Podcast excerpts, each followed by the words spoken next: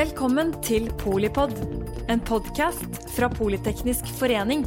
Et kunnskapsbasert medlemsnettverk for bærekraftig teknologi og samfunnsutvikling.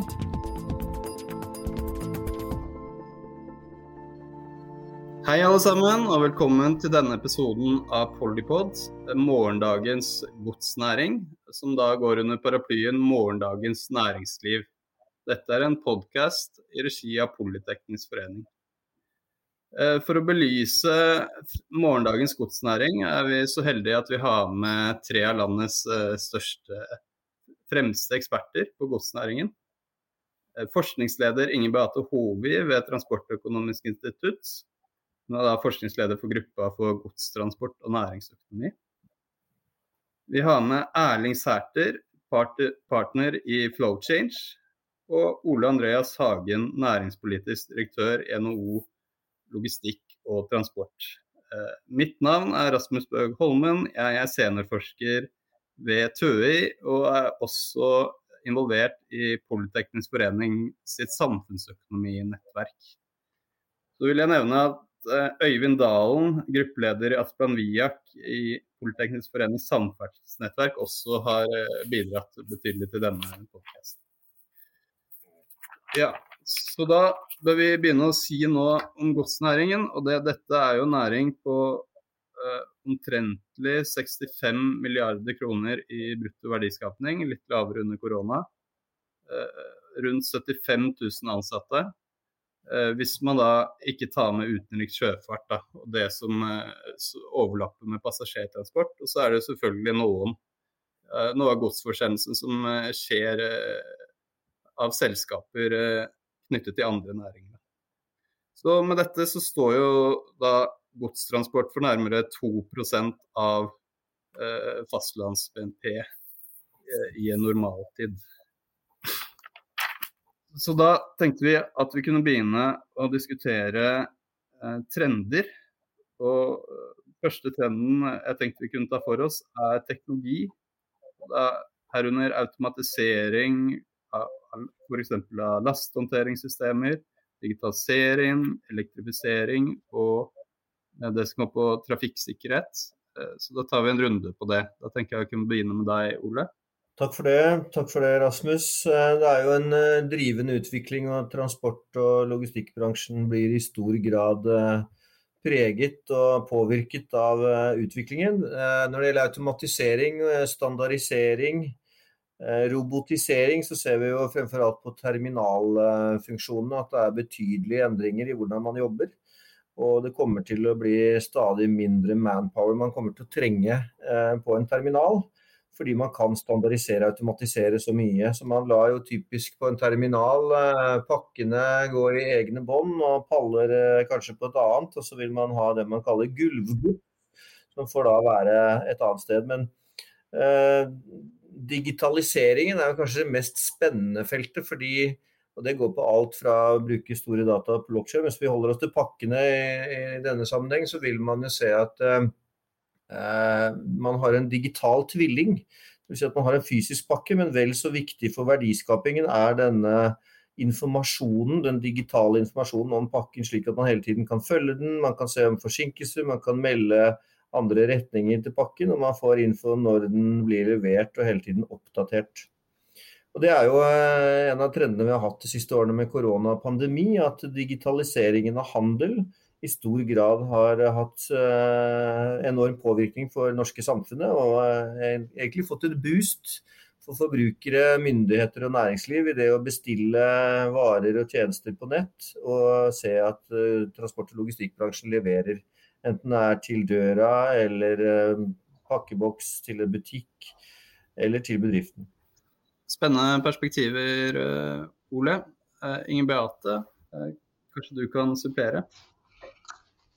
Ja, hvis vi fortsetter med utviklingen i pakkevolumene, så er det noe som nå også er med på å fremskaffe nye distribusjonsformer. Eh, under koronaen så har jo eh, det vært eh, veldig greit å få pakkene levert hjem til seg. det er ikke fullt så enkelt når man er på kontoret og, og transportøren eller distributøren gjerne vil levere pakken innenfor et bredt tidsintervall en dag. Så Og volumet gjør at det er blitt et betydelig press på, på butikkutlevering. Sånn at et nytt produkt som er under innfasing nå, er jo bruk av såkalte pakkebokser. Hvor da eh, man kan hente pakken når det passer eh, best for seg. Ja, da den nye distribusjonsformen. For en halvtime siden så fikk kona en melding på SMS-en om at genseren hennes den var hengt på dørhanken på utsida av døra. Eh, og da hadde hun selvsagt akseptert på forhånd da, at sånn kan det skje. Det var jo strengt forbudt i min tid. Man kunne ikke utlevere noen ting med mindre man hadde fått en fysisk uh, kvittering på, på et, også et fysisk fraktbrev. Så det har skjedd store ting. Jeg er helt enig i det som begge to sier. Men jeg vil også fremheve at logistikknæringen har jo vært digitalisert eh, i 30 år. Vi har jo handla Altså den elektroniske handelen har jo skjedd i 30 år gjennom gjennom Edifact-systemer og sånn. Så det, det, tar jeg med fordi at eh, mange tror at denne bransjen vår er dekk og diesel. Det er det ikke. Vi har vært digitalisert i meget avansert gjennom mange, mange år. Jeg er også enig i det at uh, automatisering først og fremst skjer på godshåndtering. Jeg har mindre tro på at det med det første skjer automatisering i form av selvgående lastebiler langs veiene men derimot eh, automatiserte eh, terminaltraktorer og f.eks. et prosjekt som jeg har vært involvert i, Askos godstråene over Oslofjorden, som også skal bli automatisert. Den type operasjoner tror jeg kommer om ikke så lenge. Men enn så lenge så tror jeg at platooning og eh, automatiske store lastebiler, det vil nok gå noen år før vi ser slike. Og sjåføren trengs. Uh, sjåføren blir viktigere og viktigere, så jeg tror sjåføren blir med i mange år framover. Vi skal komme tilbake til dette som går på arbeidskraft. Uh, det er mye fokus på teknologi når man snakker om trender, men vi har jo også etterspørselssiden, hvor det kanskje blir lavere uh, økonomisk vekst enn det har vært tidligere. Det er jo et offentlig som et offentlig som eh, får trangere budsjetter, og kompositten over næringer kan endres. Og også sammenhengen mellom passasjertransport, hvordan godstransport uh, interagerer der, og krav til leveranser, type pålitelighet, uh, fleksibilitet, pris, leveransesikkerhet, uh, leveransetid, frekvens, servicegrad osv. Uh, andre ting er jo dette med organisering, med ruteoptimalisering, fragmentering, outsourcing eller ikke, tomkjøring tilbake. Så det er mange ting og trender å ta tak i da, som ikke går på teknologi. Eh, så hva, hva vil du fremme, Ole? Hva tenker du er de sentrale trendene som ikke går på teknologi for næringen? Ja, takk. Det er jo slik at uh, I utgangspunktet så er det en uh, sammenheng mellom økonomisk vekst og hvor mye vekst det blir i logistikkmarkedet. Og Den har vært uh, og vist seg å være veldig konsistent over veldig mange år. Får vi en økonomisk vekst, så vil det være vekst i logistikkmarkedet. Men ser vi trender i én til tre års perspektiv, så, så har jo korona kanskje, og pandemien vært en av de viktigste trendene vi har stått overfor, som har gitt store skift innen hele transportbransjen. Ikke bare for logistikk, vi ser det på, på bilparken og på bilbruk, vi ser det på kollektivtransportbruk, vi ser det fremfor alt på lufttransporten. Eh, Men for logistikk så har det vært mye skift innen netthandel og, og nye løsninger som er kommet. Men nå står vi overfor en krig med Ukraina, så jeg oppsummerte akkurat for Dagens Næringsliv i stad at vi vi står overfor en situasjon med en eh, global forsyningskrise. Det er, det er store forstyrrelser i, i, verdikjedene, i supply chain mellom Asia og Europa. Vi har en kostnadseksplosjon eh, innen energipriser, høye strømpriser for togene. Eh, dieselpriser som har gått opp 40-50% på tre-fire måneder. Så det er klart at disse faktorene har stor betydning for hvordan etterspørselen blir, og hvilke kostnader det vil medføre å drive godsvirksomhet. Vi skal komme tilbake til dette med elektrisitetspriser. Eh, jeg tenker du kan fortsette, Inger Beate.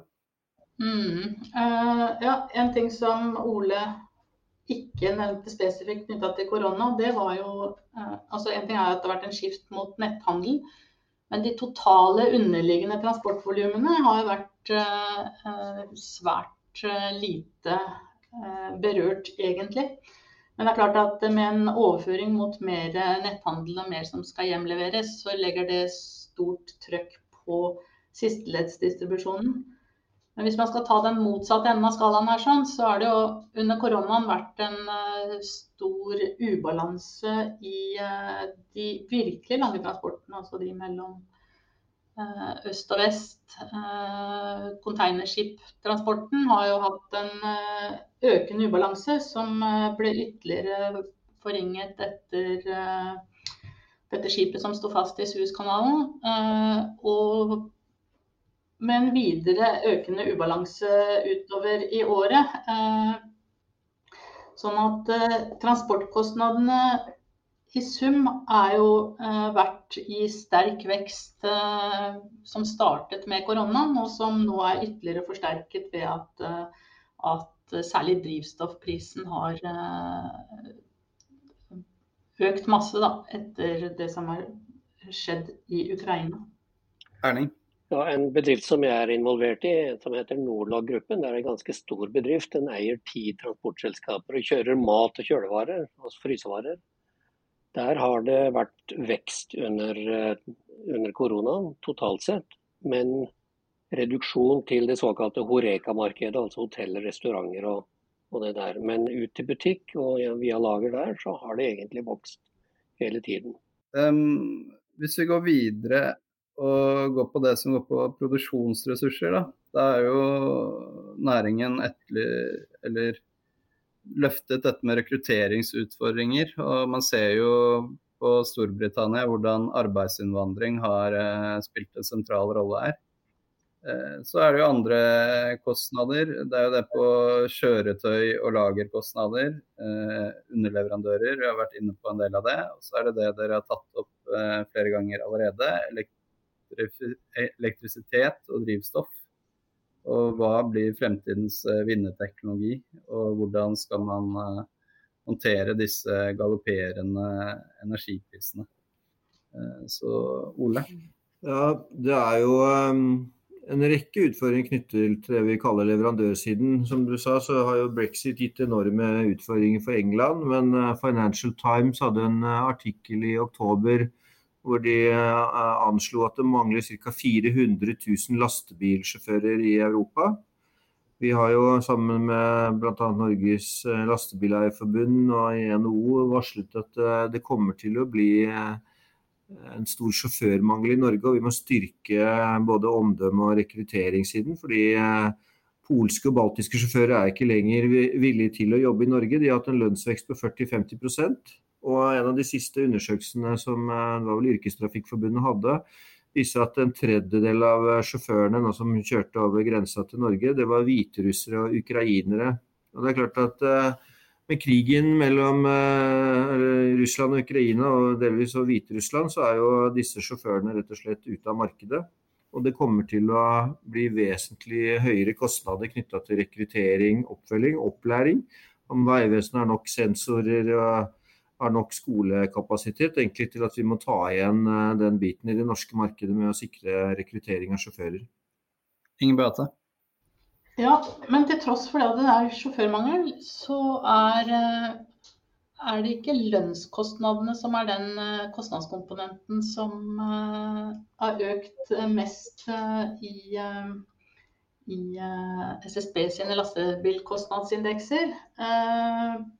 Sammenlignet med drivstoffkostnaden, så er jo eh, lønnskostnaden økt eh, temmelig lite. Eh, så, eh, men det er klart at det med rekruttering er jo en stor utfordring. Eh, og eh, kanskje det også er en mulighet for at man får en overgang da, fra, fra lastebiltransport mot andre og mer miljøvennlige transportformer. Er det er det et høyere lønnsnivå som måtte til, men det er veldig vanskelig med dagens øvrige kostnadsutvikling. Erling? Jeg tror lønna må opp. Sjåførlønningene må opp. Og ja, igjen fra mitt utgangspunkt så tror jeg liksom Jeg kan være nokså sikker på det. Som ett av flere bidrag til å øke rekrutteringen i Norge, men også i utlandet. Og vi trenger også utenlandske sjåfører i Norge. Så det, er jeg ganske, ganske sikker på. Ålreit. Da går vi videre på reguleringer og tiltak. Her har vi dette med energiregulering, drivstofftillegget. Det, så har vi det som går på avgift, avgift og miljøavgifter. Avgiftssystemet og miljøavgifter. Da har vi jo både klimatiltak og dette med nullutslippssoner. Et viktig element der er jo at man i motsetning for personbiler ikke har kjøpsavgift på lastebiler, og bare 30% av kjøpsavgiftene for personbiler på varebiler. Og at Enova-støtten da spiller inn isteden. Og så er det jo en del det offentlige gjør på infrastruktursiden, da, både i forhold til havner og vei, bane, ladestasjoner osv. Så la oss ta en, en, runde på reguleringer og offentlige tiltak. Eh, Ole? Ja, her er det jo det er et omfattende område. La meg begynne med, med, at EU er kanskje den viktigste regulatoren for det norske markedet innen eh, logistikk og transport. Det er jo sånn at eh, Dereguleringen av markedet som de begynte med på 80-tallet og 90-tallet, det har jo slått inn for fullt i Norge, slik at det er konkurranse, krav om konkurranse. Eh, vi hadde pakkedirektivene, postdirektiv 1, 2, 3 som gikk på at det skulle åpne for konkurranse. Så det at det er mulig å konkurrere om godsmengder i Norge, det er egentlig ganske ferske altså Jf. de siste reguleringene som EU har kommet med, det er ikke så gamle. Den siste kom faktisk gjennom postloven, som ble åpnet i 2016. Så EU spiller en viktig rolle når det gjelder det å regulere. Eh, et annet område som gjelder klima, er at EU spiller en viktig rolle også når det gjelder Green Deal, eller Fit for 55. Vi var nede og snakket med DG Move og eh, diverse generalsekretær, miljøråd, samferdselsråd i forrige uke. og Det er jo betydelige eh, innsatser nå fra EU for å få til det grønne skiftet. Og dette ser vi også i norske klimameldingen, i Nasjonal transportplan. Og um, det å få til kutt, eh, vi snakker om 50% kutt innen 2030, det krever jo omstilling av hele bransjen. Og For å ta det positive først, så er jo lette kjøretøy, altså varebiler og elvarebiler, eller el, tunge elvarebiler. Så for byområder og nullutslippssoner så tror vi at eh, løsningen kommer til å bli el, altså elektrisk og at den er godt i gang. Det er fortsatt noen utfordringer, men eh, det kommer til å eh, gå brukbart. Det som er utfordringen er for tungtransporten, hvor det egentlig ikke fins verken ladeinfrastruktur eller eh, bilteknologi som er konkurransedyktig for lastebiler som går på strøm eller batteri og ikke noe på hydrogen. Så det er klart at um, Her er det jo fint at myndighetene stiller krav om å, å kutte og redusere. og Næringslivet sånn jeg oppfatter det, står klare til å kjøpe inn miljøvennlige, konkurransedyktige biler, men det finnes altså ingen uh, ladeinfrastruktur. Så her må det jo ikke bare reguleres, men det må utvikles, og det må planlegges og det må investeres i ganske ambisiøse tiltak over en ganske kort periode nå, de neste tre til fem årene. Så det er jo det jeg oppfatter departementet jobber med en strategi nå for lading, basert på det kunnskapsgrunnlaget som Miljødirektoratet og Statens vegvesen la fram 1.3. Riktig. Inger Beate, du kan kanskje fortsette på dette? Ja, jeg kan det. Eh, og så kan Erling utfylle meg, det vet jeg. Eh, men eh, det med teknologi og at ikke det er modent nok ennå for lastebil det er vel litt sånn delvis uenig i. Eh, men eh, foreløpig så er vel også en stor utfordring at det er veldig lang leveransetid på den type materiell. Den store utfordringen ligger jo i at materiellet er jo to til tre ganger så dyrt eh, som å kjøpe en, en dieselbil. Så har man en del innsparing dels på energibruken og dels på at de har en del insentiver i form av eksempelvis at Enova, som du sa, Rasmus, eh, dekker deler av merkostnaden, eh, og dels gjennom at de går gratis i bomringen, i hvert fall foreløpig. Eh, og så er det sånn at eh, per i dag så er vel ikke elektriske lastebiler som kan trekke tilhenger. Men eh, så vidt jeg har skjønt, så er det noe som er rett rundt hjørnet før eh, i hvert fall Volvo kommer med det. På rekkevidde så kan disse bilene i utgangspunktet gå opp under 20 mil før de må lades. Men også der, og der tenker jeg at Erling kan eh, bare fortsette. Eh, fordi at der er det jo nå kommet flere, eller et par pilotbiler som har eh, store batteripakker. Bl.a. det som Asko tar i bruk nå, er det ikke sånn? Erling? Jo da, jo da, det er riktig det. Både Volvo og Scania starter serieproduksjon av batterielektriske tunge biler nå. Volvo også med vogntog, da, trekkvogner og vogntog. Og det er også gått i anskaffelse av en eh, sånn eh, svær eh, lastebil som kan trekke 50 tonn i 50 mil. Riktignok er det en pilotbil. Men jeg tror, og det er jo forsinkelser som Inger Beate sier, men jeg tror bilene kommer. Innenfor en to-tre års tid så kommer bilene. Hovedutfordringen er todelt. Det ene er infrastruktur, som vi har vært inne på. Der må vi ha et program i Enova som støtter investeringer i infrastruktur, ladeinfrastruktur og fylleinfrastruktur. Det har de ikke i dag. Og det andre er, selv om det er kanskje feil å si det nå når drivstoffprisene er så høye, karbonprisen må opp. Altså CO2-avgiftene må opp, slik som det heldigvis ligger an til da, hvis man skal holde seg til regjeringens utsagn på det. Den må opp slik at, um, slik at den svekkes konkurransemessig i forhold til både biodrivstoff og batterielektrisitet og hydrogen. Da. Det er de to viktigste tinga, etter min mening. Da. Eh, mange takk for det, Erling. Eh, du skal få lov å komme med en replikk på det hvis du har det, Ole. Men eh, jeg tenkte også å gå over til neste tema. Og da, det er jo da segmenter. Det er jo, godsnæringen består jo av mange ulike segmenter. Eh, så jeg gjorde en, et eh, grovt overslag basert på nasjonalregnskapet av Brønnøysund eh, i dag morges. Og da er det jo da rundt 30% som er vei. Vel 20% er innenriks sjøfart, og vel 20% er direkte tjenester knyttet til godstransport, som lagring og drift av transportsentraler. 15 vel det, Posten. Eh, rundt 10 eh, er indirekte tjenester eh, knyttet til godstransport, som formidling og mekling. Og så har vi da bane og luftfart, som er ganske små segmenter. Og det er jo da hvis man bare ser på de, den delen av næringslivet som er primært gods, men det vil jo også være sånn at mange industribedrifter har en del godsvirksomhet, og mange passasjerbedrifter har godsvirksomhet som en, en bibeskjeftigelse.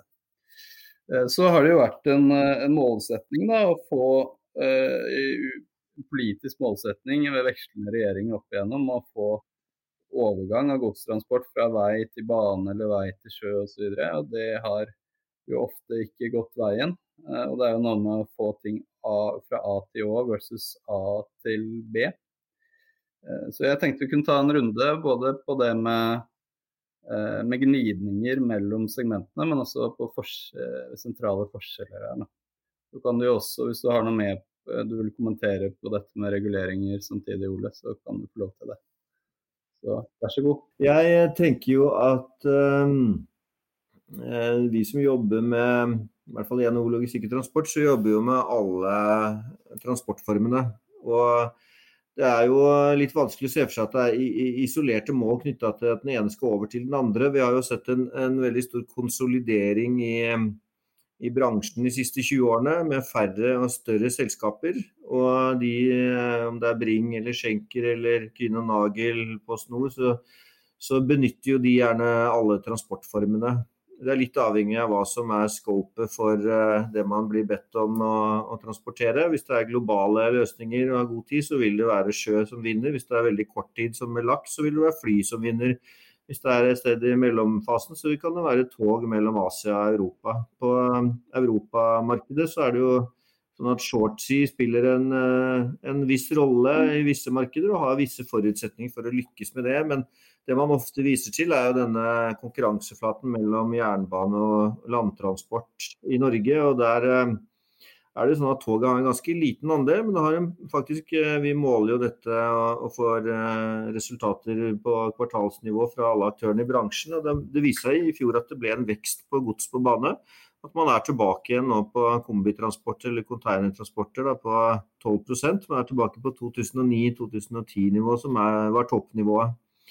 Så det er, eh, det er jo sånn at man kan jo snakke om at man vil ha gods over Eh, fra vei til bane. Men hvis man investerer eh, eh, la oss si en 1000 milliarder i vei, og egentlig sliter med å få opp 4 milliarder på bane, så er det ikke så vanskelig å skjønne at det ikke kommer til å bli mer transport på bane. Fordi man må jo investere.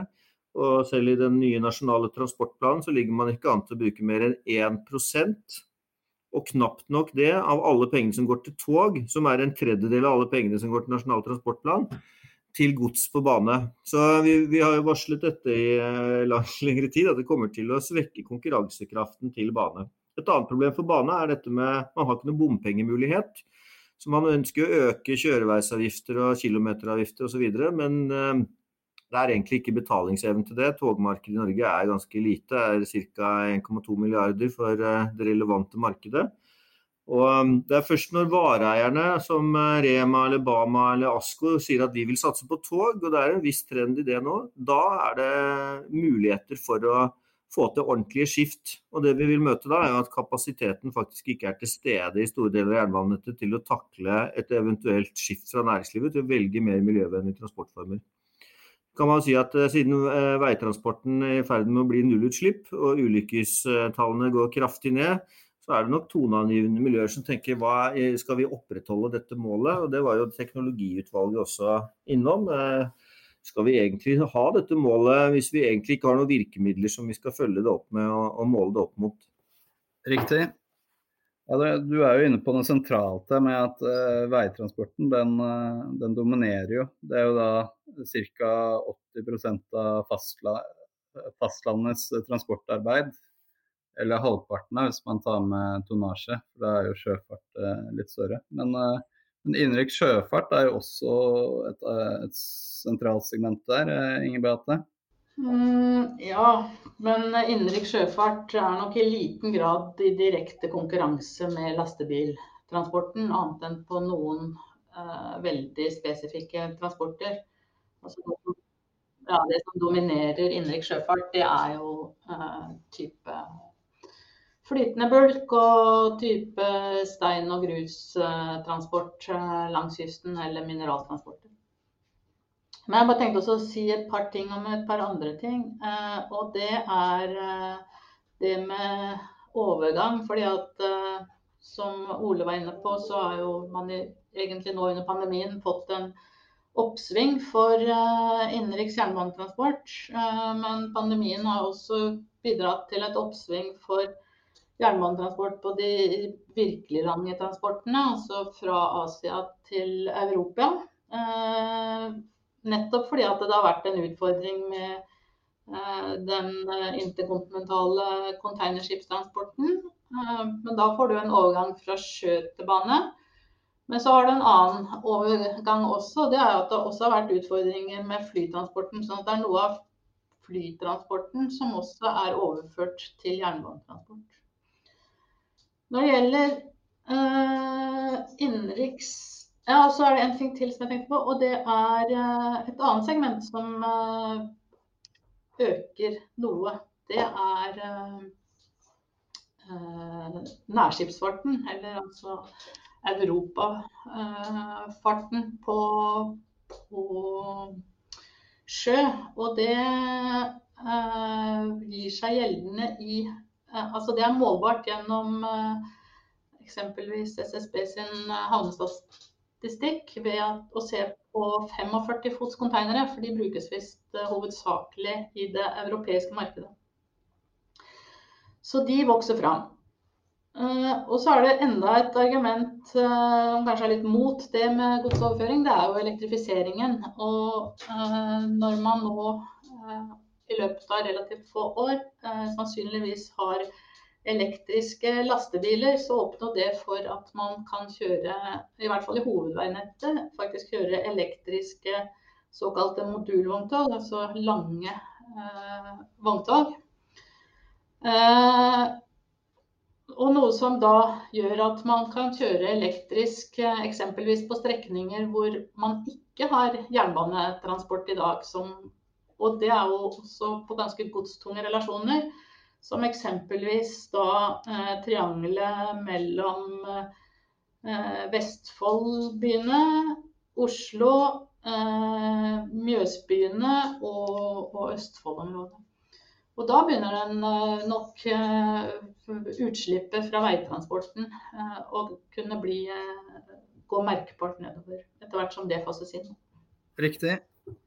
Ja, Erling. Eh, da er det din tur. Og da tenkte jeg også å utfordre deg på dette med eh, bulk versus eh, tørrbulk. Og også det med en overgang fra, mot pakker, da. Fra, fra større, større partigodsforsendinger. Hvordan vil dette se ut fremover, og hvorfor er det slik? Kanskje først eh, si at uh, vi må jo alle være for jernbane og sjø innenriks. eh, snakker innenriks da. Men det er ikke løsningen i det store og hele. biltransporten er kanskje i uttrykt i antall tall 25-30 ganger så stor som jernbanen. Og hvis man skulle Jeg tror jernbanen frakter 10 millioner tonn. Hvis man skulle doble den, så er det bare nokså begrensa hva den kan overta av bilen. Og det er ikke, som Ole var inne på, satsingsvilje hos myndighetene til å gjøre det. Dessverre. Men det er klart vi må støtte både jernbane og sjø. Eh, når det gjelder bulk og ikke våt- og tørrbulk da, og, pakker og sånn, så tror jeg både Ole og, og Beate kan det mer enn meg. Men det er jo en boost på pakkesiden. Eh, så det har nå iallfall en veldig vekst. Eh, på bulktransporten eh, så er jo, eh, jeg tror, relativt stabil. Men jeg tror kanskje både Ole og, og, og Beate kan være litt mer spesifikke på det. Inger Beate, du kan få en, en kort replikk på det. på hva da, egentlig? På, på dette med de ulike segmentene, bulk versus uh, ikke bulk. Altså, bulk uh, utgjør jo de helt store, tunge volumene. Uh, sånn at uh, for lastebiltransport, så målt i transporterte tonn, så utgjør bare stein og grus og jord og masse typer transporter utgjør ca. 40% av, av tonnasjen. Men da er det mye masseforflytting, da? Ja, det er jo type masseforflytning. Stein og grus og jord og sånn. Men pakker er liksom helt i motsatt ende av, eh, av transportmarkedet. Uh, og det, altså det, er helt riktig at det har fått en boost under uh, korona. Men det som er utfordringen, særlig utfordringen for operatørene, det er jo det at man har så enorme sesongvariasjoner på volumene. Det, det, er liksom Uh, verste tiden for speditørene det er uh, når Black Week starter, eller Black, uh, Black November starter. Da, da, øker volumene opp til godt og vel det dobbelte av hva det er gjennomsnitt over året. Og under pandemien så er jo disse, disse toppene blitt ytterligere økt. Eh, så, så de stiller jo store krav til kapasitet.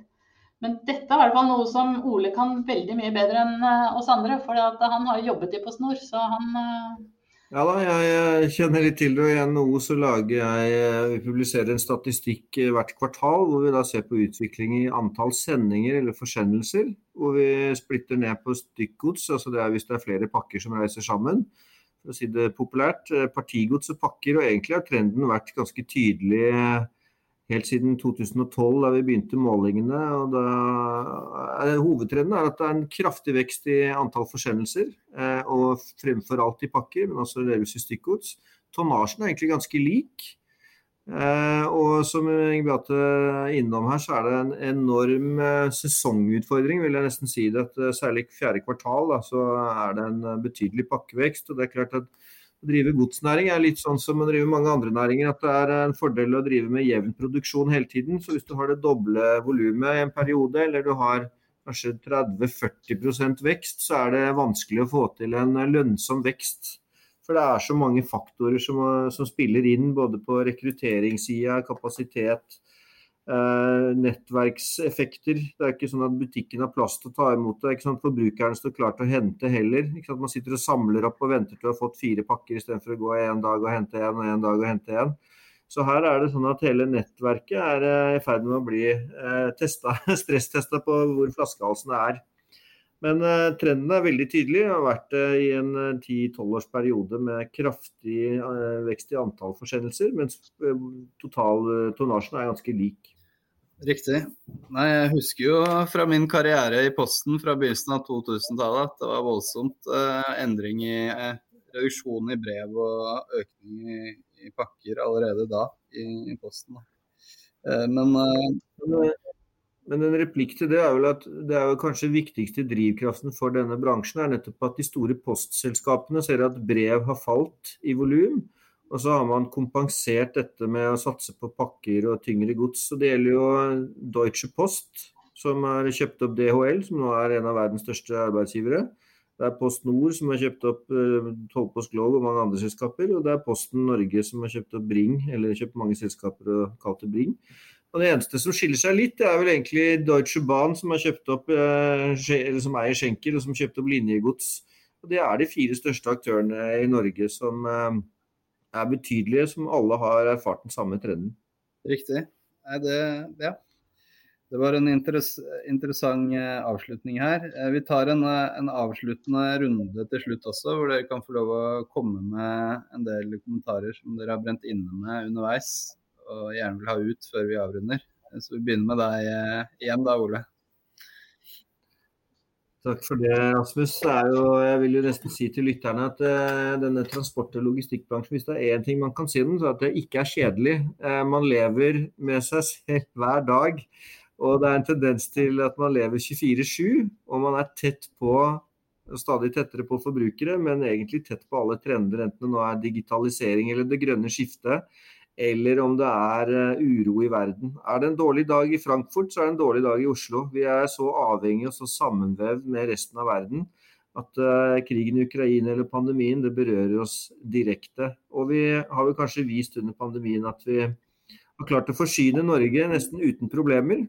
Så det er en sånn bransje som syns når det er vanskelig. Akkurat som at det renner vann i springen, så er logistikk det er en ting som man bare tar litt for gitt men som egentlig er utrolig viktig for forsyningen av Norge. Inger Beate? Ja, hva skal jeg følge på med her? Eh, jeg må jo si meg enig i det at det er eh, veldig et tema det er veldig interessant å jobbe med. Eh, fordi at du får jo Det er jo en avspeiling av hvordan konjunkturutviklingen er i økonomien. Eh, som man er tvunget til å følge godt med, også som forsker. Eh, og det kan være en altoppslukende både jobb og hobby. Eh, men jeg er også opptatt, veldig opptatt av dette grønne skiftet. Da. Sånn at jeg er veldig spent på hvordan utviklingen skjer framover, og hvor kjapt man får innfaset de elektriske lastebilene etter hvert. Men også hvordan elektrisitet versus hydrogen kommer til å utvikle seg eh, som eh, Blir det én vinner, eller vil det være to flere forskjellige energisystemer som man faktisk må bygge ut en infrastruktur for framover for å dekke de lange transportene? Erling? Ja, det er spennende å jobbe med. Så jeg vil bare fremføre en stille bønn om at nå må vi bli kvitt eh, pandemien, og så må vi bli kvitt denne forferdelige krigen, slik at vi kan konsentrere oss om det grønne skiftet i transportsektoren. Fordi den har et stort klimaavtrykk av totalen. Så det håper vi kommer fort dit igjen. Når det gjelder dette med energiformer, så kommer jo også eh, ulike transportformer inn. Men det, det, kommer vi tilbake til en annen gang. Eh, da ønsker jeg å takke alle som har hørt på, for at dere har hørt på Polypod, morgendagens godsnæring. En podkast under paraplyen Morgendagens næringsliv. Vi har vært heldige og hatt med oss eh, tre av landets fremste eksperter på området. Forskningsleder Ingen Beate Håvi ved TØI. Erling Sæter, partner i Flowchange. Og Ole Andreas Hagen, eh, næringspolitisk direktør NHO logistikk og transport. Jeg vil jo da oppfordre alle lyttere til å se dere rundt dere, enten det er eh, dere er i hjemmet eller på jobb eller ute eller et annet sted tenker på alle tingene som er rundt dere, hvor det, hvordan godsnæringen i Norge har, har, bidratt til å frakte den eh, dit den er i dag. Og at det godstransportarbeidet som ligger bak til at man, eh, man eh, har de tingene man har her i Norge. Så mitt navn er Rasmus Bøg Holmen. Jeg er, seniorøkonom, jeg er seniorforsker ved TØI, og også medlem av Politeknisk forening. Takk igjen for at du hørte på, og takk for nå. Takk for at du lyttet til Polipod fra Politeknisk forening. Få med deg flere episoder, eller bli med på nettverksmøtene som du finner på at polyteknisk.